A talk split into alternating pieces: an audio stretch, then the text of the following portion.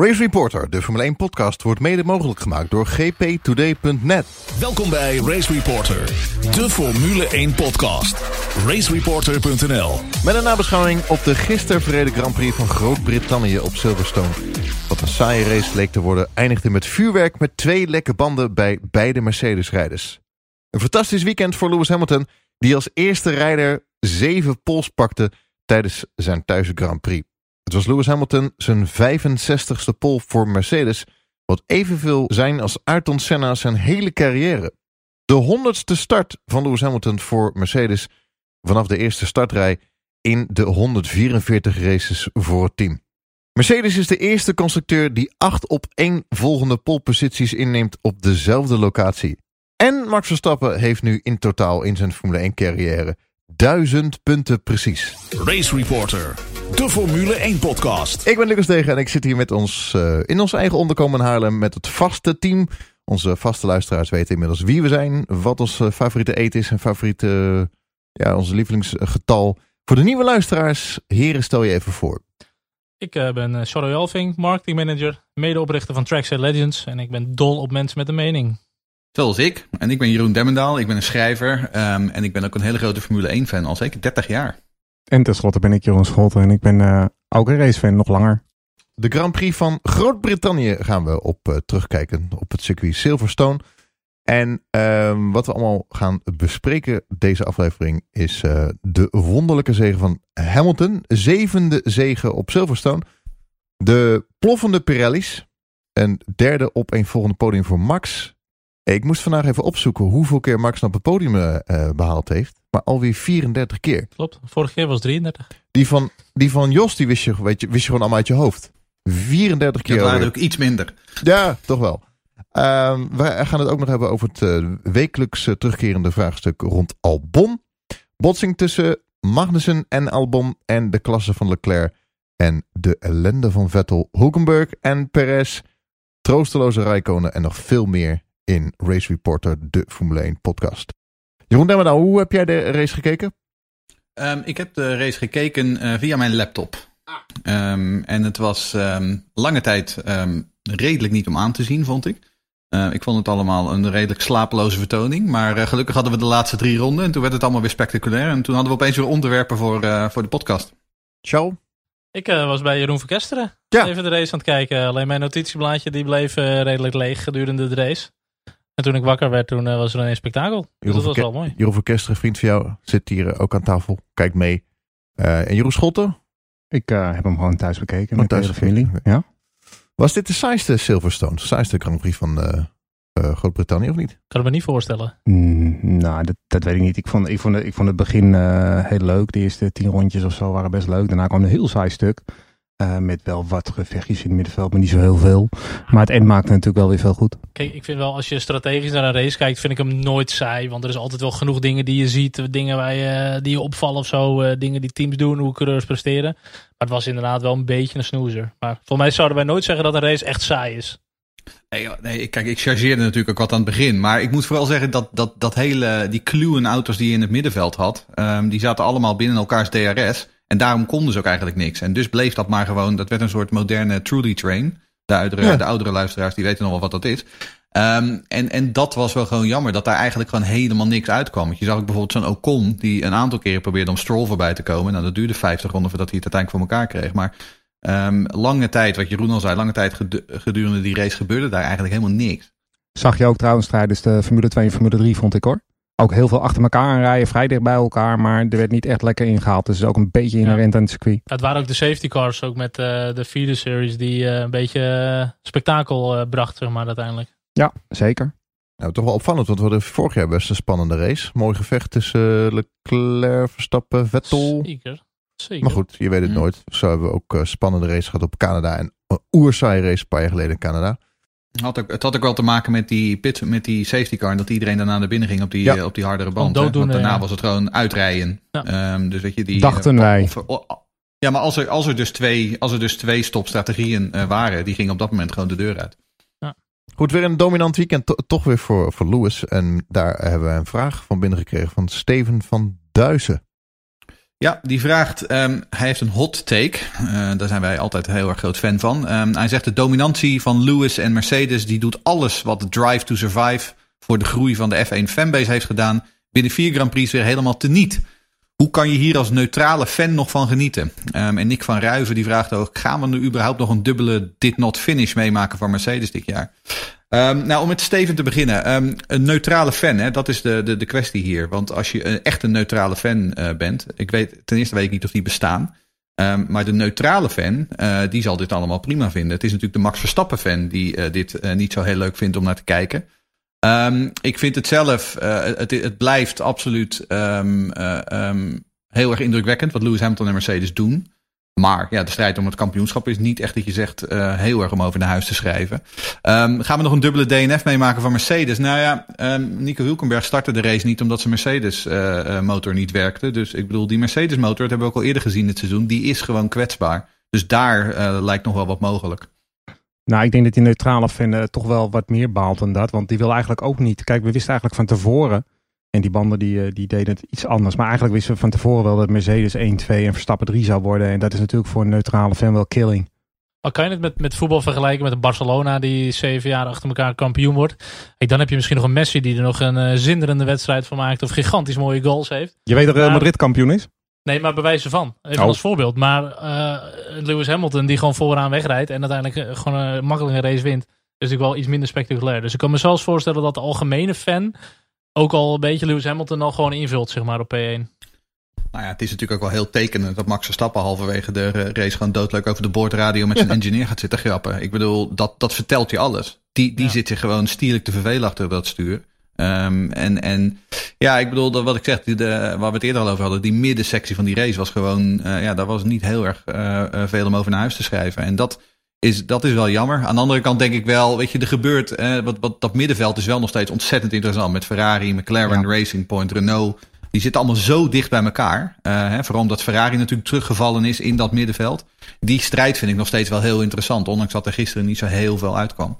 Ja, dat. En persoonlijk vind ik altijd uh, Formule 1 auto's op volle snelheid over uh, Mackets en Beckets en alles. Vind ik altijd sowieso altijd al mm. waanzinnig om te zien.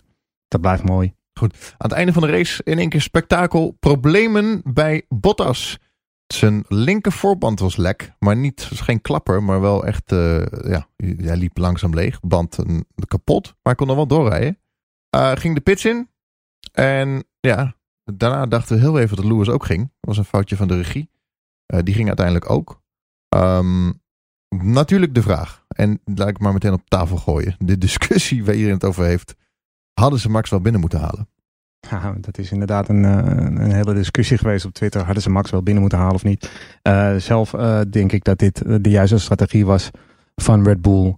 Um, ik heb gelezen dat mensen vinden dat ze acht of tien rondes eerder al binnen hadden moeten komen. Maar um, dat gat hadden ze wel op Leclerc. Maar doe je dat, dan komt Bottas meteen natuurlijk ook daarachteraan om te kofferen. ik denk dat dit een goede strategie was en dat het uiteindelijk heel lullig uitpakt.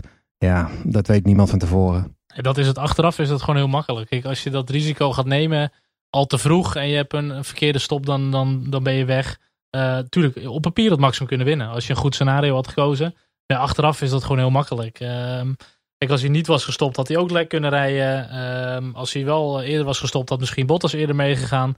Ja, dat is gewoon is mooi achteraf, zeker. Nou ja, en Horner gaf natuurlijk na afloop al aan dat ze ook gewoon, hè, dat de banden van Verstappen ook gewoon echt in de gevarenzone zaten. Um, nou, dan heb je nog de mensen die zeggen van ja, hadden ze dan Verstappen niet hè, acht of tien ronden voor het einde naar binnen moeten halen? Um, ja, misschien wel, maar zo'n pitstop vindt dan natuurlijk ook niet in een vacuüm plaats, want dat ziet Mercedes dan ook en die reageren daar dan ook op. Um, dus ja, ik ben met Jeroen eens. Het is inderdaad wat mij betreft uh, de, de, juiste, de juiste benadering geweest.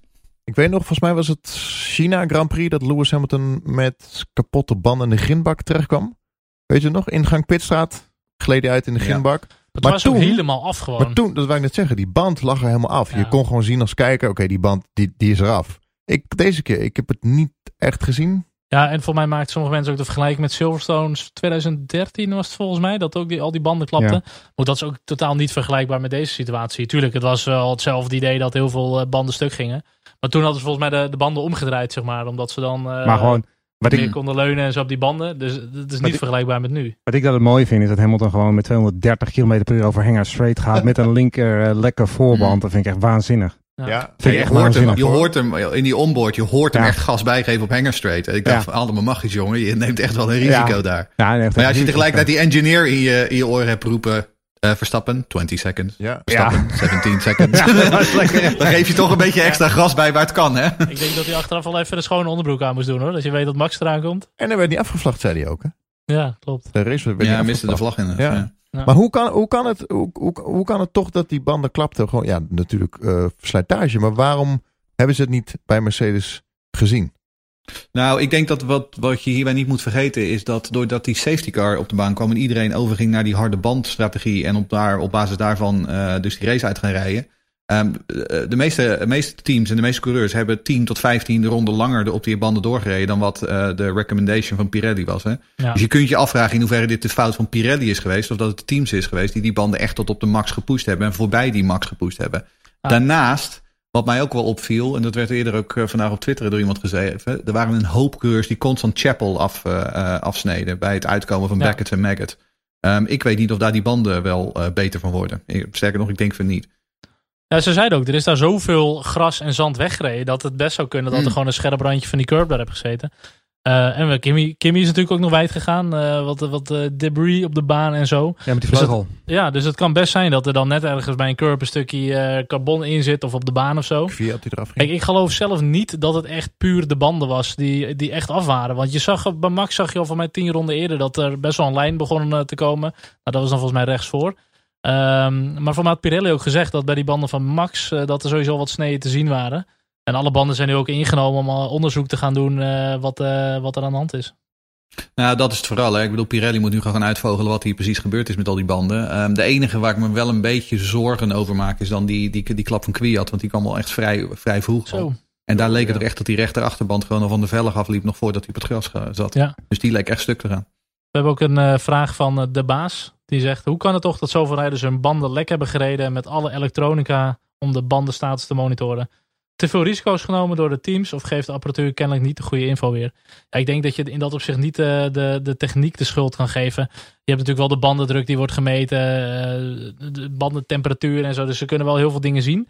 Maar voor mij veel meer dan bij Bottas en bij Hamilton dat er uiteindelijk wel wat vibraties waren, was er niet aan de hand. Voor mij bij Carlos Sainz was er helemaal geen enkel eh, teken. Bij Kvyat eh ook nee, niet. niks. Ehm, dus ja, hier kan je, als je Ja. het op de data niet ziet, dat er echt Maar een... Bottas eh, wel, hè? Bottas had tien ronden voor het einde al een, eh, al een flinke vibratie. ja, die had wel vibraties, maar als je niet ziet dat die, dat die druk langzaam leegloopt of, of whatever, zeg maar, ja, dat, eh, daar heb je geen... Fiat was wat anders, hè? Die, Ja. die geeft de buitenkant van die curbs eh, te veel mee, zei hij zelf. Ja, nou, ik weet het niet. We gaan het zien. Maar in ieder geval, we hebben er nog een vraag over. Wouter Boot die zoekt ook naar de oorzaak. Stel dat de lekke banden bij Mercedes het gevolg zijn van het DAS-systeem. Kan Red Bull dan een protest indienen dat het systeem alsnog onveilig is? Ja, het is op zich eh, wel een interessante kwestie inderdaad. Want dat boot, of eh, dat boot, zo heet die eh, jongen. Dat boot. Dat is boot.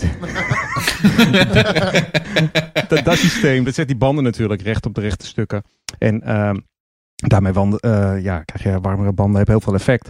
Eh, eh, als, het, als het inderdaad ermee te maken heeft, dan zou het systeem inderdaad onveilig kunnen zijn. Eh Toto Wolff heeft al gezegd dat het er niet mee te maken heeft. In ieder geval, dat denkt hij, want hij wees erop, ja, Carlos Sainz had het ook. Nou, dat klopt op zich wel, maar er waren natuurlijk 17 coureurs die het niet hadden. Eh, en zijn twee Mercedes zijn voltallige team wel. Dus het is wel heel erg opmerkelijk dat Mercedes dat dan heeft. Eh, maar ja, goed, ehm, geen idee hoe vaak ze het gebruikt hebben tijdens de race. Ik weet alleen dat ze het achter de safety car hebben gebruikt om hun banden te warmen. Eh, maar voor de rest zou ik niet, ik, ik heb niet het idee dat Mercedes überhaupt gepusht heeft deze wedstrijd. Dus ik denk ook niet dat ze dat, dat systeem heel vaak gebruikt hebben. Dat vind ik nog het enige, enige bijzonder is dat Mercedes voor mijn gevoel niet heel hard aan het pushen was. Oké, Hamilton moest Bottas voorblijven, maar nou, dat moet ook niet al te moeilijk zijn voor hem. Eh, maar volgens mij gebruiken ze dat systeem echt alleen tijdens de safety car om dan de banden gewoon op temperatuur te houden. Ja, het is wel vreemd, maar goed, Mercedes is dat niet bekend om eh, hun ex- extra excellente bandenmanagement. Maar De auto van de wagen van Lewis Hamilton kwam over de finish met op drie banden met een kapot wiel. Eh, veel van mensen hebben gevraagd mij de afgelopen eh, 24 uur of dat wel mag. Of een auto die stuk is niet naar binnen moet. Of niet in een vlag Nee. krijgt van... Nee, hij ging de hij ja, ging- dat mag. Ja, hij ging sowieso in Ja, de dat mag, laatste want anders was hij nu al gedisqualificeerd geweest. Ja, dat. Je hoeft alleen maar naar binnen te gaan als de wedstrijdleiding dat zegt. Je hoeft, bent niet verplicht om naar binnen te gaan omdat Maar, jij... maar kan eh, Red Bull protest aantekenen? eh, niet, niet dat ze het nu niet... Kijk, vaak is het als er echt een onderdeel loshangt aan een auto, eh, dan, dan roepen ze veel eerder naar binnen. En het meest frustrerende is nog, stel Lewis die was gewoon de pitlane ingereden, dan had hij waarschijnlijk alsnog uh, als eerste over de finish geweest. ja, net als Schumacher. Dus dat maakt Op hetzelfde niks uit. circuit. Ja, Ja. Je moet, het enige is, je moet natuurlijk na afloop wel aan het gewicht voldoen en dergelijke. Ja. Maar dat is blijkbaar zo geweest, dus klaar. Ja. En de rijhoogte, eh, al dat soort dingen. Maar als dat gewoon in orde is, is het gewoon prima. En alleen de wedstrijdleiding bepaalt of je naar binnen moet. Ja. Dat hoef je niet zelf En als team. eh. Nee, en Perez deed hetzelfde in Oostenrijk. hè. Die Eh, ook, ja. half sowieso- half. Daarbij was er helemaal geen tijd om naar binnen te gaan, want dit was de laatste ronde. Nee, Volgens mij moet je ook binnen een ronde dan binnenkomen. Dus al hadden ze hem direct ge- ge- Ja. ge- getoond, dan had hij volgens mij nog één ronde mogen Ja, rijden. Daarna ook. Dus dat had Oh, geen oké. verschil gemaakt. Oké, oké, goed, helder. Dat had hij denk ik trouwens niet gehaald hoor. Nee. Dat ene rondje nog. Nee, zeker Nee. niet. Zeker niet. Podium nummer 34 alweer voor Max. Derde op rij. Vlak achter Bottas in het eh, kampioenschap nu. Ehm, ja, het weekend van Max. Ik zag op een gegeven moment een shot van hoeveel ruimte er voor hem zat en achter. Hij had niks voor zich en niks in zijn spiegel. Het was echt een, eh, voor hem een boring race. Als rijder zie je dan niks. Wij als kijker zien natuurlijk wel mensen. Maar als rijder zie je gewoon geen rijder voor je en geen rijder achter je. Dus hij maakte inderdaad al een grap. Ja, ik heb tijdens de race heb ik ook altijd de onboard van Max aanstaan. Maar dat was ook weinig te zien dit keer. Je hoort dan nog wat dingetjes over de radio. Maar verder, je zag niemand in zijn beeld. Hij had, hij had Mooi, ge- had een mooie grap had hij. ja, nee, kijk, hij had gewoon weer een keisterk weekend. En hij presteert, naar mijn inziens, gewoon boven het kunnen eh, van de auto. Eh, op de uitvalbeurt in Oostenrijk na, waar hij natuurlijk niks mee kon doen. Of niks aan kon doen, want daar had hij hem ook gewoon kunnen winnen. Doet hij het gewoon best wel foutloos weer dit seizoen. En nu al op zes puntjes van Bottas. Ja, ik vind dat eh super knap hoor. Ja, maar Charles, de hamvraag is natuurlijk... wat heeft Max nou eigenlijk helemaal gepresteerd in die Red Bull? Zoals gisteren ook al op Twitter nou werd gepresteerd? Ehm, nee, ik ben het met je eens. Eh, sowieso was hij gisteren wel in een stuk betere, eh, ehm, in een betere mood dan hij op vrijdag was. Toen hij eh, richting Grosjean werkelijk geen woord Limburgs over de boordradio spuwde. Daar kon ik wel heel hard om lachen. Ehm, maar ja, ik ben het met je eens. Hij, hij, hij presteert maximaal. En, en ja, ik bedoel, dat is het grappige. Dat ze, als, je, als je gaat vergelijken met 2019, staat Red Bull eigenlijk minder ver achter Mercedes op dit moment ehm, ehm, in 2020 dan ze in 2019 stonden. En dat vind ik wel opmerkelijk. Want de, de Ja. perceptie die we toch met z'n allen hebben, is dat Mercedes echt straten ver voor staat. Maar Max puntenaantal nooit, valt het nog wel mee. ja, Max hebben nooit zoveel punten gehad na vier races. 52. Nee, Vorig dat, jaar. eh, dat 51. Maar eh, je zag het gewoon. Vanaf eh, zaterdag zat hij er heel relaxed in. En eh, zondag ook een beetje op. Maakte al een geintje voor de race naar zijn engineers. Dat het een stuk minder stressvol was voor de start en zo voor die gasten. Nou, tijdens de race natuurlijk ook. Dat, dat ze even goed moesten drinken tijdens de race. Ja, dat zijn natuurlijk super leuke dingen. Maar anderzijds is het ook wel weer heel erg verdrietig dat het gewoon kan. Dat je zo ver in de middle of nowhere rondrijdt. Maar goed, ja, had niks te duchten van Leclerc. Dus ehm, geen stap fout gezet, Max. Nog een vraag binnengekregen van Debbie. Ja, Debbie, die vraagt, waarom, Debbie Wentink die vraagt waarom maken Red Bull en Max zich druk om dat ene puntje voor de fastest lap, terwijl Max safe op P3 zit in het kampioenschap. Vroeger zei Max altijd dat het hem alleen gaat om P1, niet om P2 en P3, want een extra pitstop is ook een risico. Ehm, ja, eh, dat is natuurlijk zo. Aan de andere kant op dit moment, de, eh, in dit geval werd de pitstop natuurlijk, zoals eerder gezegd, ook vooral gemaakt omdat die banden van Max Verstappen eh, ook echt in de gevarenzone zaten. Ehm, hè, ik bedoel, gaan we uiteindelijk naar, ook naar binnen in ronde 51. Dus hij heeft eigenlijk maar één kans om die snelste ronde te halen. Maar eh, aan de andere kant, aan het einde van de rit, eh, één punt kun je gewoon wereldkampioen mee worden. Eh, met één punt verschil. Het kan het verschil maken. En hey, hij, heeft, hij heeft weliswaar geen overwinning, maar hij heeft wel een baanrecord op zijn naam staan nu. Dat is ook wat waard. Ja, Klopt. absoluut. Ja, die ene punt, eh, of dat gaat gebeuren aan het eind van het jaar, ik weet het niet. Maar Ik denk het ook niet, maar Nou, we hij hebben het in het verleden wel gezien, hè? Hij kan het ene punt wellicht nodig hebben om tweede te worden in het eh, WK. Hij staat nog maar zes Ja. puntjes achter Bottas. nou, Ja. maar wat wel grappig is, Max heeft nu in totaal in zijn Formule 1 car- carrière duizend punten. Hè? Dus misschien was het daarom te doen. Die Lucas, die daar- statistieken verzamelt die van tevoren. Ja, die heeft vanmiddag mijn Twitter gelezen waarschijnlijk. Maar... Laat- laten, we het daar, laten we het daarop houden. We gaan het eh, weer hebben over onze, onze grote idool. Hij eh, vloog eraf tijdens de, wat is het, kwalificatietraining. Aantal duizend euro schade weer. Albon, Nou, vrije training, maar... 0,4 seconden langzamer dan Max op snellere banden. In Q2 was dat inderdaad. En daardoor eh, kwalificeerde zich eh, wat lager. Kwam niet in Q3. Ja, het blijft een, een, een terugkerend probleem. Het is echt een heel groot probleem aan het worden. Want als je verder kijkt naar eh, Red Bull en de situatie waarin Red Bull nu zit, is dat eh, de grote talenten van Red Bull, waar zij altijd eh, zo mee gepocht hebben, eh, die hebben nog zeker drie A4, A5 jaar misschien wel nodig om er te komen. Bij Red Bull te komen althans. Een Yuri Vips of een Liam Lawson zijn redelijk getalenteerde jongens. Maar die moeten echt nog wel 1 A2 jaar in de junior series rijden. En dan nog minimaal twee jaar bij Toro Rosso, Alfa Tauri. En pas dan kunnen ze er komen. Wat mijn idee zou zijn, is je moet een tussenpauze halen. Want Albon of Gasly uh, zijn mijn zinziens niet goed genoeg. En daarom heb ik eerder uh, geopperd inderdaad dat de Vettel-optie, 2 à 3 jaar. Jeroen Demmendaal vond het iets te lang. Maar dat was mijn idee geweest. Alleen ja. Aston Martin gaat er nu uh, met hem vandoor. Want die heeft mijn tweets blijkbaar ook gelezen. Ja. Nee, maar uiteindelijk uh, zal je nu een keuze moeten maken tussen uh, Albon, Gasly, Hulkenberg of Perez. En ik zou ze allemaal, uh, ik, ik zou iemand voor één jaar vastleggen. En dan voor na volgend jaar zou ik Valtteri Bottas alvast benaderen. Ik zou hem nu alvast gaan benaderen. Want George Russell, die gaat, denk ik, zo vanaf 2022 wel overgeheveld worden. Hamilton gaat nog wel eventjes door. En dan valt Bottas buiten de boot. En Bottas zou echt voor mij de perfecte tussenpauze zijn voor twee à drie jaar. Um, uh, tot die talenten er zijn. Fips, Lawson, uh, noem het maar op. Ik wilde wel graag een uh, tussenpauze zonder witte rook bij Red Bull. Zonder witte rook? Ja, ja, maar dat doet alleen Ferrari. Dat is Italiaans, maar witte rook. Je, zei vanmorgen nog, we zijn nooit met elkaar eens. Maar ik ben wel blij dat je het nu wel met me eens bent dat Vettel op zich ook wel een goede optie ja. had kunnen zijn. Ja. Maar ik ben het wel mee eens. Er zou iets van een tussenoplossing moeten komen. Want ook de grote talenten van Red Bull, die zijn of nog niet klaar, of ze zitten niet meer bij Red Bull. En dan heb je het over een Ricciardo, Sainz of nou, Vettel. Ik weet niet of je dat nog een groot talent mag noemen, maar... Tuurlijk. Als jij dat wil, mag dat, jongen. Ja, wil ik. Um, ik vind alleen dat, eh, daar gaan we het zo nog wel over hebben. Um, ik weet niet of Red Bull nou heel erg geholpen is bij um, de Sebastian. ik, ik ben, waar, waar, die bij, waar ze bij geholpen zouden zijn, is als ze Vettel inderdaad voor een jaar vastleggen met een optie voor nog een tweede jaar.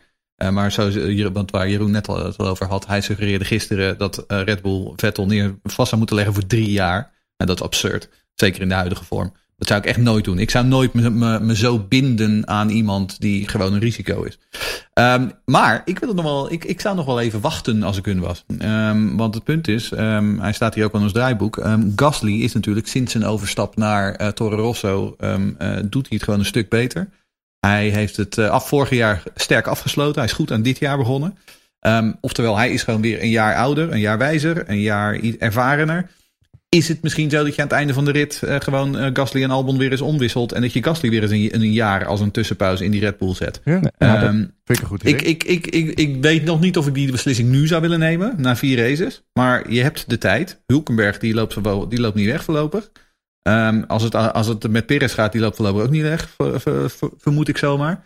Dus ik denk dat je nog wel een paar races de tijd hebt om die beslissing ja, te nemen. Maar dat denk ik ook. Want ik denk dat je voor 2021 de keuze moet maken tussen Albon en Gasly. Ik denk alleen dat je alvast met Bottas moet beginnen voor de periode daarna. Ja, 22 uh, en Die zal je alvast een beetje moeten peilen. Um, dus dat zou ik wel doen. Maar het probleem bij Albon is denk ik inmiddels ook een mentaal probleem geworden. Kijk, die jongen is nooit een echt supertalent geweest. Zat er altijd net onder. Heeft nooit de grote titels gewonnen in de juniorklasse. Maar won wel altijd wat races. Heeft altijd vooraan meegereden. Uh, hij heeft het aanvankelijk uh, vorig jaar best goed gedaan. Weinig fouten. Redelijk uh, qua snelheid. Maar staat altijd wel 4, 15 erachter. Dan zou hij in het nieuwe jaar zou die dat gat moeten dichten. Nou, dan rijdt hij zichzelf in een hele lastige auto het snot voor zijn ogen. En dan moet je je voorstellen dat je hele races rijdt. En dat je denkt, nou, ik heb best lekker gereden. En dan kijk je later op de datasheets. En dan zie je dat Verstappen gewoon zeventiende per ronde sneller rijdt. En dat is natuurlijk mm. killing voor zo'n jonge jongen in zijn hoofd. Als jij zelf denkt dat je gewoon heel erg goed bezig bent. Dat is iets. Nou ja, dat is het inderdaad. Kijk, ik bedoel, wat vorig jaar was hij gewoon. Hij, hij, hij, scoorde gewoon beter en stabieler dan Gasly. Zo simpel is het. Um, ik bedoel, die, ja. die punten die kun je tegenover elkaar zetten. Hij reed gewoon die races uit, finishte nooit als achtste of tiende. Um, en dat deed hij goed. Maar dit seizoen heeft hij die stijgende lijn niet doorgezet. Ik wil wel een klein beetje advocaat van de duivel spelen. Hij werd gisteren echt niet geholpen door die safety car situatie. Want hij was net overgestapt naar die uh, harde band. Reed goede pace. Uh, als iedereen toen naar binnen was gegaan, uh, als normaal had hij opeens vijfde of zesde gelegen. Dus ik bedoel, daar heeft hij gewoon pech gehad. Um, kijk, ik hoop dat die nieuwe engineer wat, wat zo dan de dijk zet. Ze hebben hem nu een nieuwe engineer gegeven. Um, ik hoop dat dat gaat, ja, ik hoop dat dat hem gaat helpen. Want dat, hè, dat duurt natuurlijk ook een, een, paar races voordat je dan echt op elkaar ingespeeld bent. Maar helpt dat maar... even de maagzuur van de Red Bulls niet? ja, dat had ik al gezegd op Twitter, ja. Oh, echt? Ja. ja ik lees je tweets nooit. Nee, nee, jij bent geblokkeerd. Hè? Dan mis je dat allemaal. Oh, oh, oh. Maar wat vond je van de crash tussen Albon en Magnussen? Ja, was ja, mooi incident. Ja, mooi. Dat is wel, uh, ja, mooi. Maar nou, 7,5 zo. Ja. Als je over de kop was gaan, was het echt 8 plus geweest. Uh, volgens mij even, even kort, die, die, die bocht. Hij, Albon zat ernaast en toen hield hij zich toch weer in. Nou, het begon daarvoor al. Hè. Magnussen die was een beetje, ja. die ging die een beetje te veel op de curbs. Maar Albon hield zich toch in. Waardoor die... Ja, ja. ja Magnussen, Magnussen maakte, het is heel simpel. Magnussen maakte een fout, verloor daardoor heel veel snelheid. Je hoort ook op de onboard van Albon dat hij, zich, dat hij van het gas afgaat. Ja. Dus hij probeert daadwerkelijk een, een crash te voorkomen. Maar ja, Ma- Magnussen die knijpt hem gewoon af. Want die denkt, ja, maar die racelijn is nog steeds van mij. Het is gewoon een fout van Magnussen. Aan de andere kant, hè, dit is weer hetzelfde, het is weer dezelfde discussie als Hamilton en Albon in, in Oostenrijk. Uiteindelijk is het wel zo dat het contact dat door Albon gemaakt wordt, werkt eh Magnussen uit de wedstrijd. En dus krijgt Albon uiteindelijk vijf seconden straf. Ja. Ehm, wat mij betreft had het niet gehoeven, maar hè, volgens de huidige regelgeving eh, en volgens, hè, als we, als we eh, de logica doortrekken van een paar races terug, ja, ik zag die vijf seconden wel, eh, wel aankomen. Ja. Ja. Maar de dag dat Magnussen ook maar één centimeter gaat wijken, die moet nog steeds komen volgens mij. Want die gaat er altijd zo ja, dat knijterhard in, jongen. ja. Ja, dan loop je toch een keer er tegenaan. Was ook Maar- wel een maar- beetje En dat weet Albon, en dat weet. Albon ook wel. Het was ook wel Dat naïef weet van Albon Albon daar. Hè? Ja, maar Het is Ja. niet, je, had, je had er beter even aan kunnen sluiten en een ander van het einde van de studie ja. kunnen pakken. Want je hebt een veel snellere auto en hij heeft een slechte exit. Maar is het dan weer dezelfde naïviteit die hij had in Oostenrijk op eh, Lewis? ja, vind ik wel. Het is Ja, een moet beter inschattingsfout. weten. Ja, fout. Ja. En dat is, dat die De is racecraft is gewoon dat- niet goed nou, genoeg nog. Precies, dat, daar zat ik aan Zijn te we het nou denken. eens? ja, we zijn het Dus- weer eens. Top, we gaan We door. stoppen ermee. Dus hij moet meer sim racen. Want dan heb je, krijg je meer eh, inschattingsvermogen, zeg ik. Ehm, de opties hebben we besproken voor Albon, Vettel kiezen. Nou, daar gaan we het niet over hebben. Of Vettel weer naar Red Bull gaat. Ik wil het daar niet meer over hebben. Nou ja, we kunnen wel meteen door naar Ferrari natuurlijk. Hè? Want ik bedoel, eh, als we dan gaan besp- be- bespreken. Hè, en ik, ik gooide dat gisteren een beetje gekscherend van ja. hè, ehm, eh, Verstappen heeft nu twee keer zoveel punten als Albon. Maar Leclerc heeft drie keer zoveel punten als Vettel. Dus is Vettel wel een goede vervanger. Dat was natuurlijk ook gewoon een beetje een opwarmertje. Maar eh, Vettel was gisteren wel echt lost at sea, zoals de Britten zeggen. Eh, hij was echt helemaal nergens. Hij was eigenlijk het hele weekend gewoon helemaal nergens. Eh, net als Albon natuurlijk gewoon weinig eh, ronden gedraaid in de trainingen.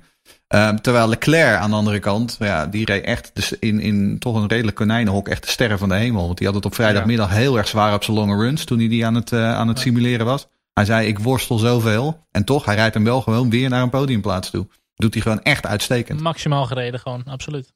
Ja, want er werd al eerder op, eh, op Twitter kreeg ik alweer van die, omdat ik vorig jaar veel eh, promotiewerk voor Leclerc heb gedaan. Toen kreeg ik op Twitter alweer eh van de week wat vragen van, "Eh, valt allemaal wel tegen. Maar ik vind dat echt onzin. Die auto valt tegen, maar Leclerc doet echt maximaal. Nee. Die is echt, Ja. Dus als, als Leclerc iets bewijst, is dat de keuze van, eh, van Ferrari voor hem als, als grote Mm. kopman en om Vettel weg te doen. Mm. Ja, sorry, maar ze hebben wel gewoon gelijk gehad. Absoluut. Als wij zeggen dat, Max, dat Max Verstappen het maximale uit de Red Bull haalt, dan kunnen we met een gerust hart zeggen dat Leclerc het maximale uit de Ferrari haalt. En die heeft nog last van een dronken Baviaan ook, hè? Want dat deze wordt gewoon, die Ja. krijgt geen corona volgens mij. Die is Ik wil het zeggen. Nee, gewoon. ik wil het zeggen. Die was Dat is gewoon weer. eh, die had gewoon een inreisvisum voor eh, Groot-Brittannië. Dat was, Ja. dat was wel duidelijk. Ehm, nee, en, en eh, Vettel hè, staat dertiende in het WK, jongens. Met 10 punten. Dertiende in het Nou, dat is WK. best knap. Ik Na heb één hem race, echt maar niet na vier. Ik heb hem echt niet gezien de afgelopen Ja, weekend. moet ik wel één, één dingetje. Hij werd er wel door Leclerc zelf uitgetikt in de vorige race natuurlijk. Of twee weken geleden. Twee races geleden. Ja, in de tweede Oostenrijk Grand Prix. Maar daar viel ook Ja. Leclerc uit. Dus Ja. daar, daar scoorden ze allebei nul. Vraag ben gekregen van Sean. Ja, die vraagt: is Vettel echt over de hill of heeft hij er nu gewoon even geen zin meer in? Ehm, nou ja, ik, ik, ik, ik twijfel echt heel erg aan Vettel eh, op dit moment. Ik weet niet of die er nog wel is. Eh, ik, ik moet wel zeggen, eh, ik draag hem nog altijd een heel warm hart toe. Ik was een heel groot Vettel-fan in zijn Red Bull-dagen. Ehm, het is nog steeds ook een man naar mijn hart. Eh, er was een heel groot interview met hem op Formula1.com eh, dit weekend. Had je ook een Red Bull shirtje en zo? Petje? Nee, nee, nee, nee, ik ben nooit zo van de, van de merchandise. Oh. Eh, onderbroek, nee, ja, die wel dan. Ehm, maar er is een heel mooi verhaal met hem ook op Formula1.com over dat hij, eh, hij, hij doet eigenlijk niet aan social media. Hij is eigenlijk de enige Formule 1 coureur. Ehm, hij, hij, eh, al dat, dat gedoe met smartphones, dat gelooft hij wel. En hij, hij schrijft nog liever, hij maakt nog liever aantekeningen met pen en papier. Hartstikke fijne vent. Maar ik weet niet of, eh, of Red Bull echt met hem geholpen is. Eh, ik, ik twijfel daar echt aan.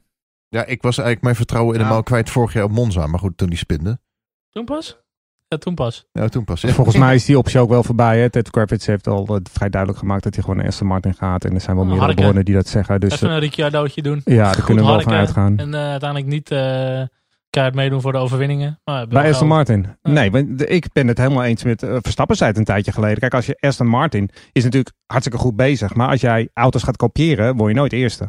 Dan loop je altijd een stap achter. Nee, maar dat is ook de aanname dat eh, ehm, Racing Point slash Aston Martin dat ieder jaar zou doen natuurlijk. Kijk, die hebben nu, ze hebben nu gewoon met het oog op de komende anderhalf jaar even eh, een paar eh, hè, korte ehm, shortcuts genomen. Ja. Maar Ik hoop niet dat ze dat voor natuurlijk niet gezegd dat- het is 2022 natuurlijk niet- doen. Tuurlijk. Het is natuurlijk niet gezegd dat ze dat de hele tijd gaan blijven doen. Nee. Kijk, het grotere probleem is natuurlijk dat het een, hè, daar hebben we het in de vorige podcast over gehad, het is een stroll vehicle, eh Aston Martin. En dat is een probleem. Uh, het doet mij wel een beetje denken aan, aan Andy Irvine, die ooit van Ferrari naar, hoe heet het, naar uh, Jaguar ging. En daar de kopman ging worden. En dat werd uiteindelijk ook niks. Um, ik, ik, ik weet het niet. Of, of, het, uh, of Aston Martin er heel veel aan gaat hebben. In die Safnauer heb ik ook nooit zoveel vertrouwen. Dat vind ik altijd een beetje, ja, een zappie. Race Reporter, de Formule 1 podcast. Goed, we, we hebben het over het nieuwe Aston Martin gehad. Wat uh, mogelijkerwijs, uh, daar heeft uh, Toto Wolf aandeel in. Dus wie weet, Toto Wolf naar Aston Martin, Vettel mee. Dat schijnt de roddel te zijn. En het schijnt dat men dat al bekend wilde maken, maar wilde wachten vanwege de corona bij Perez. Ja. Waardoor Hulkenberg um, zou mogen instappen. Hulkenberg? Ja? Hulkenberg. Dat was, dat was wel leuk. Op, was het vrijdag bekend gemaakt? Wij allemaal op Twitter, allemaal in de groepsapp. Wie wordt het, wie wordt het? Was wel even spannend. Ik had het Um, lang al gezegd. Ja, ja, op Twitter. Als Er was ook eh, eigenlijk, er was toch ook een ABC'tje of niet? Ja, tuurlijk. Wie had het anders moeten doen dan? Ja, Gutierrez Er werd- niet. Nee, niet, er eh, werd ook goed, iets eh, gezegd schijnbaar over- niet. Schijnbaar door een, een, van de, eh, een van onze Ierse journalistvrienden die eh, suggereerden dat Robert Kubica wel eens een goede ja, ook. Maar ik was. zag ook Lucas Di Je wil wel even een handje helpen, of niet? Maar Lucas Di Grassi die dan vindt dat, dat Formule 2 of Formule 3 coureurs dan eventjes doorgeschoven moeten worden.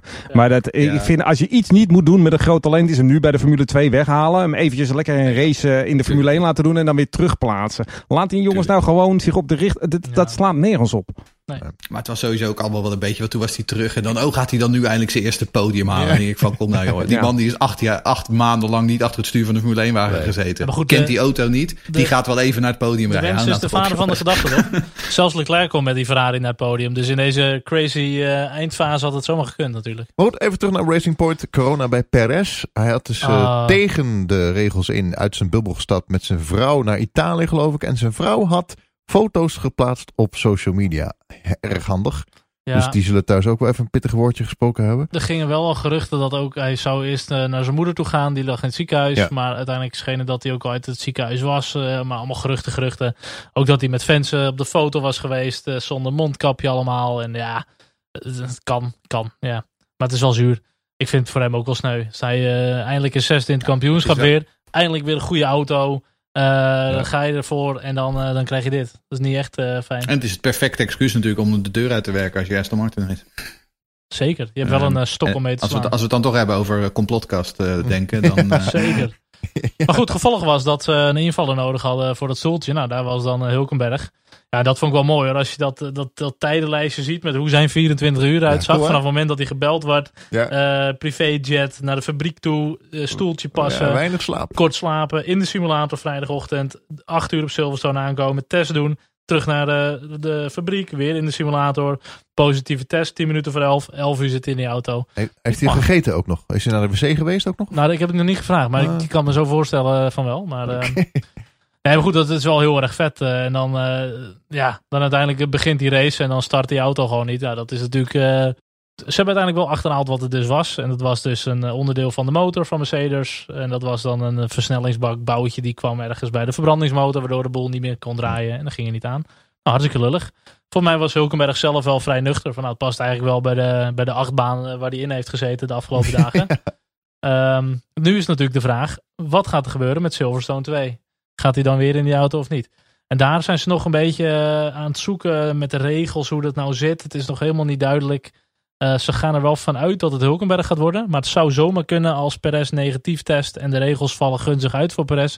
Dat hij wel weer in de auto zou kunnen zitten voor de tweede Ja, Grand ik Prix. geloof daar niet veel van. Maar die die kans zie ik niet zo groot.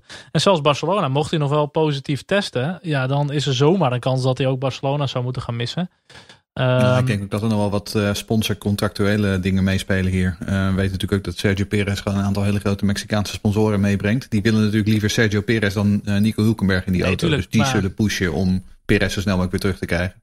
In Barcelona is het natuurlijk geen probleem, want er lopen momenteel heel veel positieve mensen rond. Dus daar kan je ook gewoon naartoe. Ja, absoluut. Zeker.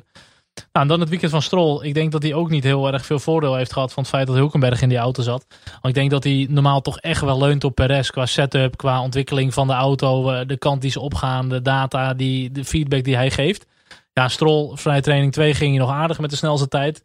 Maar kwalificatie was het al gewoon minder. Ja, en eh, hij heeft dan nog geluk gehad dat Hulkenberg niet heeft kunnen starten. Want ik geloof wel in dat anders Hulkenberg gewoon voor had kunnen finishen. Dan kwam volgens mij ook de safety car niet heel gunstig uit voor, eh voor Stroll. Ja, als je dan zo'n auto hebt met zoveel potentie. eh, hij is op de baan ingehaald door Ocon, door Gasly.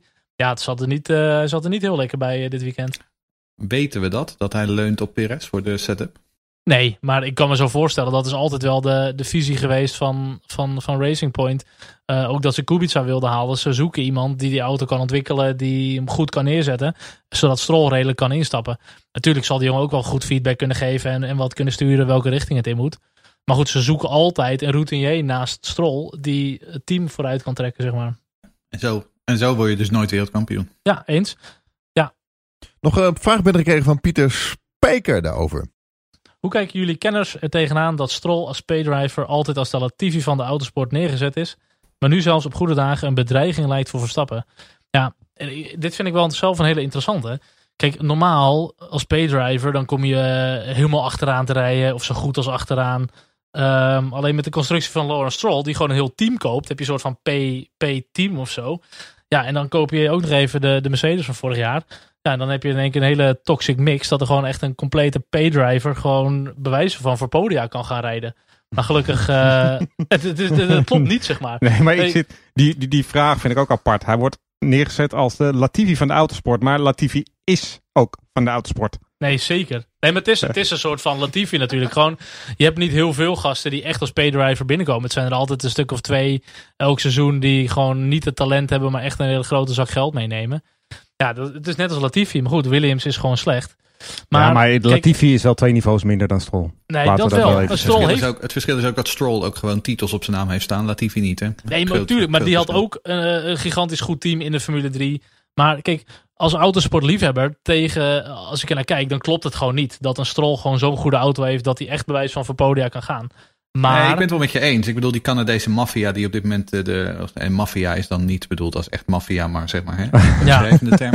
Eh, eh, als, een, als beeldspraak, zeg maar. Eh, maar die, die, die Canadese eh, centen die nu eh, inderdaad toch wel gewoon 20% van de grid overnemen. Ja, ik, ik, het is wel een dingetje, vind ik. Ben ik wel met je eens, hoor. Ehm, het, houdt- het houdt maar het ook wel weer nogmaals, leven. Stroll, ja, Stroll zat in een goed team. Zat bij Prema in de Formule 3, maar won wel gewoon het kampioenschap. Ehm, eh, Latifi zat bij Dams. Zat ook gewoon bij een goed team in de F2. En won gewoon niet het kampioenschap, ondanks Nee, maar goed, dat is, dat is. Latifi. Daar zit wel een verschil in. Ik, ik ben het wel met Jeroen eens. Lat, eh, Maar- Latifi is wel een Kijk, paar tandjes minder. Aan het einde van de dag heeft iedereen dezelfde regels. En, en als jij een team kan kopen en je doet alles volgens de regels, ja, dan, dan kan dat gewoon. En eh, kijk, wat ik zeg, voor mij voelt het niet goed. Maar uiteindelijk, als je naar het kampioenschap gaat kijken, zal Stroll echt niet zomaar voor Max eindigen. En ook op racecraft, op, op race pace, eh, op alles legt, legt Stroll het gewoon af. En ik denk ook dat hij het vaak gaat afleggen tegen zijn teamgenoten. Dus in dat opzicht eh, is er niet heel veel eh, ellende. Ja, maar dat, is, maar dat is het ook. Hè. Ik bedoel, hij heeft, wat is het? Ik geloof dat hij nu 24 races naast Perez gezeten heeft. Hij is er vier keer voor geëindigd. Ja, precies dat. Eh, dat dus, vertelt je alles.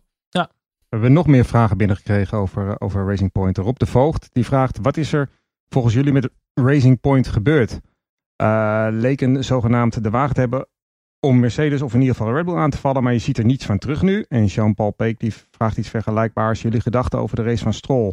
Van de high in FP2 naar opgevreten worden in de tweede helft van de race. Ja, de FP2 is een vrijtraining. En eh, daar moeten we niet al te veel. eh, ik snap ook niet de high in de eh, FP2. Ik snap niet wie de high wordt van de FP2. Ehm, het probleem is gewoon een beetje wat, wat Charles net ook zegt. Eh, als je je kopman wegvalt en je bent afhankelijk van Lance Stroll. En eigenlijk Hulkenberg valt natuurlijk ook weg. Ja, Stroll is gewoon een volger. En dat is niet iemand die eh, dat team kan dragen. En eh, heeft gewoon een matige race pace. en een matige racecraft. En ja, die valt gedurende zo'n zo'n wedstrijd waar het veld heel dicht bij elkaar zit. Valt hij gewoon wat verder terug. Ook bandenmanagement bij hem is wel een issue vaak. En ja, dan zie je eh, zo'n jongen terugvallen. Dat vind ik wel raar, want Will Buxton die zei vorig jaar dat Lance Stroll een astonishing race pace had. Ja, maar Will Buxton vindt Latifi ook geweldig. Een potentiële Oh, ja. world Oh, champion. Ja. Nee, maar curling, is- curling misschien. Maar, ja, maar eh, Formule 1 niet. Will, Bok- Will, Buxton, Will Buxton vindt Sochi bijvoorbeeld een fantastische baan. Ja, Echt een heerlijk complex is dat. Ja, om overheen te fietsen Heerlijk. misschien. Maar, eh, En Paul Ricard ook. Vindt hij ook Paul oh, Ricard die vond hij mooi. Met al die kleurtjes. Ja, Dat maar is dan kan zo leuk. 256 verschillende layouts kan je dat doen. Ja. Dus dat is, eh, elke Nee, keer is maar anders. Elke keer is anders. En waar vind je zoveel kleurtjes? Ja, exact. Goed, nou hebben we nu eh, Will Buxton wel weer genoeg afgezeken. Race Reporter, We gaan naar Renault. Renault straalt. de Formule 1 podcast. Het was de vierde plaats van Daniel Ricciardo. Die was gelijk aan zijn beste resultaat ooit met Renault. En Het was ook Renault's beste Silverstone resultaat sinds het winnen van de race in 2006.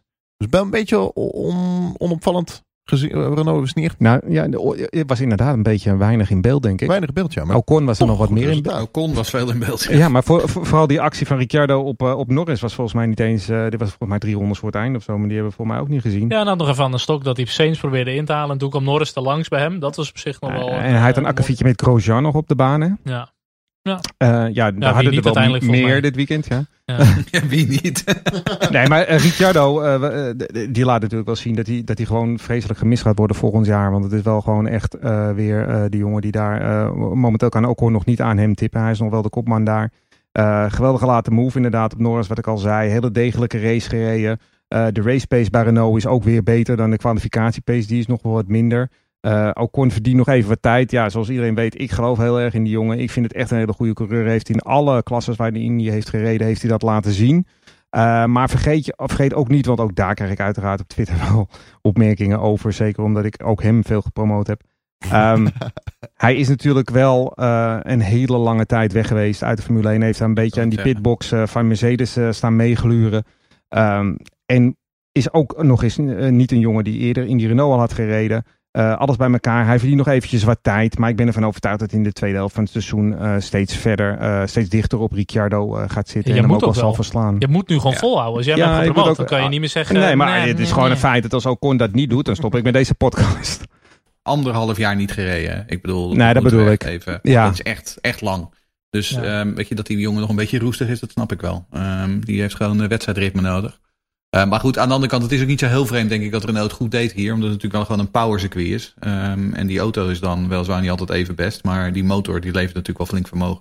Het schijnt de tweede motor te zijn momenteel. Zelfs nog iets voor Ja. Honda. En eh, ja, Ja. ruim voor Ferrari Ja, inderdaad. eindelijk durft Abiteboel weer terug naar Frankrijk. Maar ja, blijft ze nog in Engeland omdat de volgende Grand Prix erover aankomt. Ja, Maar ze deed het goed. Even, even tussendoor, over Abiteboel gesproken. Doet net Netflix nog... eh, Ja, zeker. Ja, die zijn al Oh. vanaf eh, de, de eerste Grand Prix zijn ze gewoon aanwezig. Ah. Tot irritatie van sommige journalisten. Want die moeten Ja. allemaal met eh, geen of een hele kleine bezetting. Mm. En Netflix die mag toch wel met redelijke getalen alles op, op band leggen. Eh, ik dacht misschien vanwege corona dat het niet doorging. Maar Nee, zeker goed wel. om te horen. Alles voor de fans. Yes. Pech van Saints. ja wel een beetje gehad. hè. een beetje dat was de band. Ik vond het wel zuur voor hem, want hij zat er wel goed, eh, goed bovenop. En ook voor McLaren. Ik vond, de, nou, de, als we dan, het zijn dure punten die ze nu we- even verliezen. McLaren, McLaren zat er goed bij.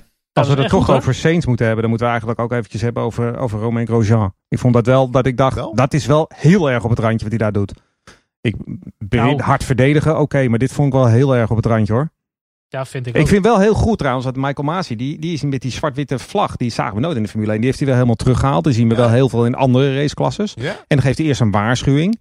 En eh, nou, als je dan niet luistert, krijg je alsnog een straf. Maar dat vind ik eigenlijk wel heel goed dat hij dat doet. Ja. Dat hadden ze zelfs bij die Eens. small jaar ook moeten doen in de Formule 2 op zondagochtend. Eens. Want die, ja. die, die gaven ze meteen, meteen een penalty zonder enige waarschuwing. Ja, maar het baart mij wel zorgen dat de voorzitter van de Grand Prix Driver Association, dat die niet Ja. weet dat moving on the braking niet mag. En dat hij daar duidelijkheid over wil. Dat ik denk, als iemand daar een voorvechter voor moet zijn, hoe wat mag en niet en zo, dan Ja, maar. Romain Grosjean is natuurlijk niet op het gebed, gebied van veilig rijden. Is hij natuurlijk niet eh, dat je zegt, nou, dat is de benchmark. Nee? Nee, dat denk ik Oh. niet. Nee, Oh. niet. Nee. Het, het, het, het, grootste, het grootste verrassing natuurlijk met die vent is, is dat hij ooit in een vorige raceleven gewoon tien keer op een Formule 1 podium heeft Maar hij was gewoon goed, hè, bij Lotus. En, ja, en als je nu naar hem goed. kijkt, dan Ja. denk je van, wie is deze vent? Wie is dit? Als, als, je, als ik dat zeg, wa- wat zijn jullie eerste herinneringen? Als je denkt aan eh Grosjean en eh crashen of onveilige situaties. Spa, Spa. ja, Spa. dat was wel een Nou, mooie. de, ja. de, de Ba- Barcelona, dat hij op een gegeven moment zo in de ronde vol het Ja. gas erop houdt. Ja. Hulkenberg Ja. en Gasly eruit tikt. Ja. Ja, die twee heb ik ook in gedachten. Maar ja. toen, had, toen had hij al weg moeten uit de Formule 1. Ja. Na die crash had ik echt zoiets, je houdt het gas erop, je bent niet helemaal goed bij je hoofd. Nee, echt hè. Ja. Ongelooflijk. Goed. Eh, Kimi Räikkönen, die zat eh, flink te vloeken op de poortradio. We mogen trouwens niet eh Grosjean en Baku nog vergeten. Om die er nog maar even bij te halen. Dat je gewoon achter de safety car in de muur rijdt. Hè? Nee, Ericsson hit, Ericsson hit me. Ja, maar dat was, Ja. dat was niet Grosjean. het was de Ja, maar- engineer. dat maar nou, het was wel Grosjean die de muur in reed, hoor. Zeker. ja, ja, ja. Kimi is Zeker klaar, hè? Grosjean. Ja. Kimi is, Kimi is Kimi is klaar. Die, die staat nu 3-1 achter, geloof ik, in, eh, tegen Giovinazzi. In, Nou, de- dan, moet je, dan moet je stoppen. in de kwalificatie. En ik vind Giovinazzi Ja. al niet dat ik zeg je van het. Eh, nee, Kimi is wel Maar de- Kimi moet Het, het stoppen. begint, ook nu, begint ook nu langzaam en zeker steeds harder rond te zingen dat hij na dit seizoen er wel gewoon een einde aan gaat Ja. breien. Ehm, Wat ook wel gewoon een keer mag. Want we hebben nog een vraag over van Sean. Die vraagt, kan Kimmy er niet beter mee ophouden? Het is nog een kampioen onwaardig om voor spek en bonen mee te moeten doen. Um, ja, want de Alfa is gewoon niet goed. Uh, dat blijkt wel. Um, en um, ja, ik denk dat Kimmy er inderdaad bij... Ik ben wederom Kimmy, groot fan. Ook uh, toen hij ooit nog binnenkwam als, uh, als jochie in 2001. Ja. Ik stond echt van hem te kijken. Ja. Spectaculair goed. Maar hij is inmiddels wel echt... ja, het is gewoon klaar. Die boordradio vond ik alles prachtig. Die, vooral die, die reactie wel, ja. van die, engineer, die engineer. Die, die oké, okay, dat was echt meer zeg maar uit angst dan zeg maar uit in als een soort ja. van confirmative. Was heel mooi. Vond ik dat het team het redelijk deed om dan toch een soort van uh, dubbele pitstop ervan te maken. Wat ze niet helemaal hadden verwacht, uh, ging het toch aardig. Want we wilden net nog een mannetje oversteken toen Kimmy eraan kwam. Maar ik denk dat Kimmy zich ook wel wat meer gaat richten op zijn kinderen. En dan wellicht ook wel zelfs de racecarrière. Ik denk dat over ja. drie jaar dat Robin de, de, jongste peuter ooit in de Formule 1 gaat worden. Ik denk dat dat er ook wel eentje gaat worden. Hoor. Misschien, is, misschien is Kimi Räikkönen niet de enige coureur ooit die en zowel tegen de vader als een zoon heeft geraced. Ja, ja. dat Jos en Max. Niet. Ja, ja, dat is 100%. nee, ja, Alonso. Maar die rijdt ja. momenteel niet. Dus hij was het inderdaad. Dus hij zou in, het zou inderdaad ook zo kunnen zijn dat Max tegen zowel vader als zoon Rijkonen gaat rijden. Ja. Maar dan moet hij wel opschieten. En ik weet niet hoe goed erop in Rijkonen nog is, hè? Nee, dat weet niemand. maar Ferrari zal vast wel bellen. Die voor, worden in het diepste geheim klaargestoomd uh, op een eigen circuit wat hij heeft volgens mij. Nou, nou het opleidingscentrum komt, uh, van Ferrari zal vast wel al een paar keer uh, contact hebben gehad. Tuurlijk. Ja, Tuurlijk. die zoeken goede coureurs. Die, die, ja, die, die leggen toch iedere zoon van vast? Dat, ja. dat is wat ze doen. Overigens gaat het wel ongelooflijk slecht met Alfa Romeo hoor. Het is wel echt ja, een blok. Ja, die, gewoon... die Ferrari motor en dan uh, ja. Poeh. Nou, ja. ik wil ook wel een beetje een lans breken voor Giovinazzi. Uh, want eh, gezien die moeilijke omstandigheden uh, doet hij het toch best heel aardig. Heeft al wat puntjes op het bord staan, wat je zegt. Heeft uh, Rijkonen gewoon verslagen in, het, in, het, in de kwalificatie. Giovinazzi moet natuurlijk ook wel dit jaar. Want um, ik bedoel, hè, de ja. Schumachers, de Schwartzmans, de uh, Ilot, weet, weet ik veel wie er allemaal nog in die Alfa kan volgend jaar. Die hijgen hem allemaal in de nek. Dus hij moet wel echt wat laten zien dit seizoen. Ja. Um, maar ik vind dat hij het best aardig doet hoor, zo de eerste paar races. Ja, en nou, dan hebben we nog het uh, team van Haas. Daar hebben we ook nog een vraag over voor Steven van Duizen. Hij zegt, waar loopt het fout bij Haas? Kan toch niet puur aan de motor liggen? Ja, ik vind het dan lastig. Ze staan uh, volgens mij op één puntje op dit moment. Ja, het is echt treurig. Kijk, het ligt aan de coureurs, het ligt aan de motor, het ligt aan de, aan de auto, het ligt aan alles. Ja, er zit heel weinig in dat team, vind ik. Hoe ze ooit de Formule 1 inkwamen, toen waren ze juist een beetje revolutionair met alles wat ze van Ferrari over konden nemen. Dat gingen ze overnemen. Moet American-based, uh, deels team natuurlijk. Ja, ik vind, hem, uh, ik vind hem lastig. Maar er is eigenlijk niks wat echt goed is voor mijn gevoel daar. Nou ja, dat, dat zeg jij. En daarom vond ik het zo opvallend. Want Magnussen zijn vandaag uh, dat hij juist vindt dat de, de, de Haas momenteel veel beter is dan ja. vorig jaar. De, de auto is uh, stabieler en in balans. is beter, zeker. Hij, ja. Ze weten uh, hoe ze verder moeten met deze auto. Ja. hij is alleen niet zo snel. Nou, dat is in de nee. Formule 1 wel een nadeel. Dat moet je dan ook wel weer aantekenen. maar ten opzichte van de auto van vorig jaar, die eigenlijk iedere week weer anders reageerde op, op de omstandigheden, is deze veel stabieler. Hey, vorig jaar waren Komt ze compleet ook. de weg kwijt. Maar goed, je zag Grosjean, die had een wat afwijkende strategie. En die kon nog best wel lekker meekomen. Zo in die, in die, in die kopgroep, zeg maar, achter Mercedes en, uh, en Max en Leclerc. Ja, maar het, is voor hun gewoon ook nog niet samengekomen, denk ik. Te veel problemen, te veel uh, in de shit zitten. En toch niet de snelheid hebben. Ja, het is wel een lastig seizoen wordt het voor ze, denk ik. Ja, en ik denk dat de grotere vraag is of Haas 2022 wel gaat halen. Um, hè, oorspronkelijk zouden ze natuurlijk in 2021 al naar de nieuwe, uh, zouden we met z'n allen naar de nieuwe reglementen gaan. Nou, dat is nu een jaar uitgesteld. Uh, dus ze kunnen in principe met deze auto nog even door uh, voor volgend jaar. Maar Gene ha dat Gene Haas niet tevreden is, tevreden is met hoe het nu gaat. Um, en dat het eigenlijk alleen maar achteruit gaat. Um, ja, dat is wel echt een probleem. Dus het, nou, het, het zou me niet verbazen als Gene Haas op een gegeven moment gewoon de stekker eruit trekt en de tent verkoopt aan de hoogste bieder. Het zou me ook niet verbazen als Gene Haas uh, Sergio Perez belt in zijn management. Want die hebben wel een, een goede rijder en 25 miljoen uh, extra aan mm. sponsorgeld. Dat zouden ze wel heel erg goed kunnen gebruiken. Zou een goede deal zijn.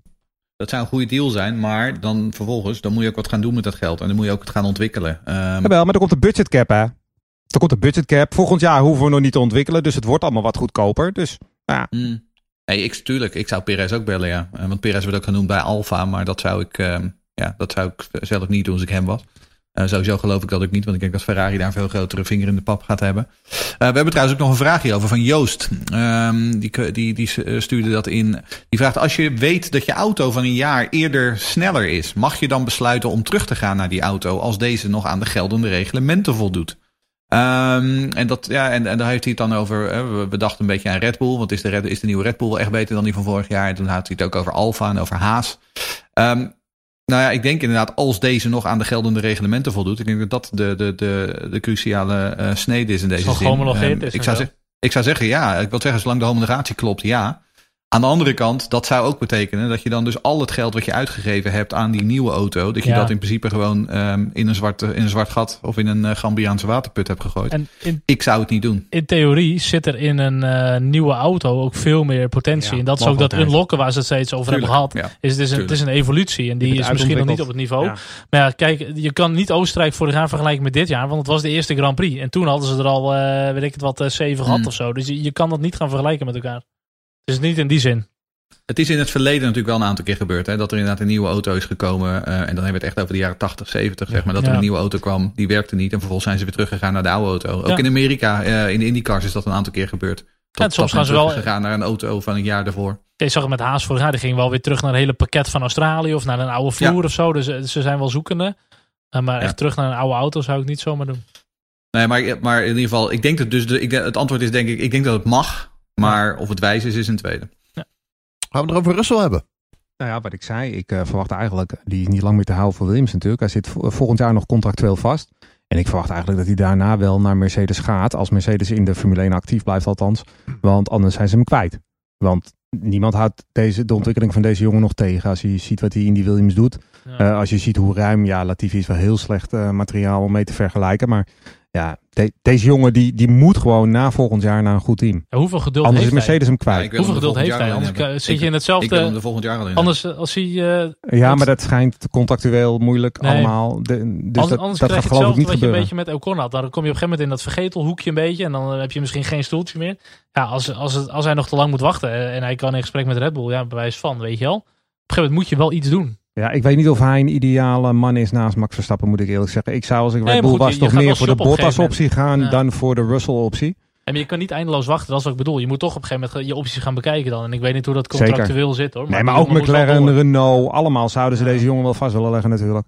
Nou, dat lijkt mij ook. Ja, kijk, en het punt is wel natuurlijk dat Mercedes gewoon, wat dat betreft, qua, in ieder geval qua junior team, gewoon niet heel erg sterk is. Eh, wat betreft het doorsluizen van die Nee. rijders naar het topteam. Eh, Renault is daar trouwens ook eh, heel erg slecht in. Ehm, kijk, en we hebben natuurlijk in het verleden Pascal Weerlijn nog nog gehad. Nou had hij ook nog wel wat hè, ehm, attitudeproblemen. Dus dat, die heeft ook wel een beetje zijn eigen ruiten inge, eh, ingegooid. Maar vooral Ocon inderdaad, dat is er eentje die ze echt uiteindelijk gewoon maar vrij hebben gegeven. Omdat ze de hele tijd op 7 hebben gespeeld met Bottas. Ik, ik zou Russell, en, en dat zal contractueel allemaal moeilijk zijn, maar ik zou Russell graag volgend jaar al in die, eh, in die Mercedes zitten. Want Ja. ik vind echt dat die, eh, dat die Beetje- verspeeld wordt in de, beetje in dat lef mag konijnenhok wel. van Williams. Een beetje lef eh, mag wel bij Mercedes. Vooruitblik op de 70th Anniversary Grand Prix. Nou, eh, Hoe zei je dat? de- 70th? 70th Anniversary 70th. Grand Prix. 70th. Ja, het is een beetje raar natuurlijk, want het is gewoon eh, dezelfde circuit. Ehm, maar zullen de zachtere compound eh, verschil gaan maken? Want we gaan op zachte compound eh, rijden. Ja, dat mag ik wel hopen dat het verschil maakt, ja. Anders kan je het net zo goed niet doen. Ja, ook temperatuur Ja, natuurlijk. hè. Weet je niet of het warmer wordt of... of Eh, Het zal wel eh, invloed hebben. Maar goed, wat je zegt, dus de temperatuur. eh, ze kennen de banden nu iets beter. Dat is denk ik ook waarom ze de, de, deze strategie gekozen hebben, Pirelli. Want als je twee keer met dezelfde eh bandencompounds gaat rijden, ja, dan weten ze helemaal al hoe en wat. Dus ze moeten ook wel even iets anders doen om er nog een beetje iets te gaan mixen. Ja, ik ben wel benieuwd naar volgende week. Het kan hard gaan met de slijtage. Ja, nou, we rijden natuurlijk ook gewoon nog steeds met de, de band hier die, ehm, hè, van vorig jaar. Eh, Ja. Want er was natuurlijk gewoon een nieuwe compound ontwikkeld door Pirelli. En die is vervolgens door alle teams afgewezen. Ehm, dus ik bedoel, wat dat betreft ook hier weer. ehm, ik weet niet of, eh, of eh, wat je zegt, Pirelli doet zijn best om er inderdaad nog wat interessants van te maken. Maar uiteindelijk moeten ze ook gewoon werkende banden afleveren. Ja, maar dat zeiden ook mensen al over die banden die nu geklapt waren. Van ja, Pirelli had banden die voor deze auto's gebouwd zijn. En ze, de teams Ja. hebben ervoor gekozen met de banden Exact. van afgelopen seizoen door te gaan rijden. Ja, dan moet je niet gaan miepen als je uiteindelijk langer doorrijdt dan Pirelli adviseert. Dus ja, ik ben wel benieuwd naar volgende week. ik stel even een vraag als een leek. Zijn er, eh, even stel, is dat stel anders dan normaal?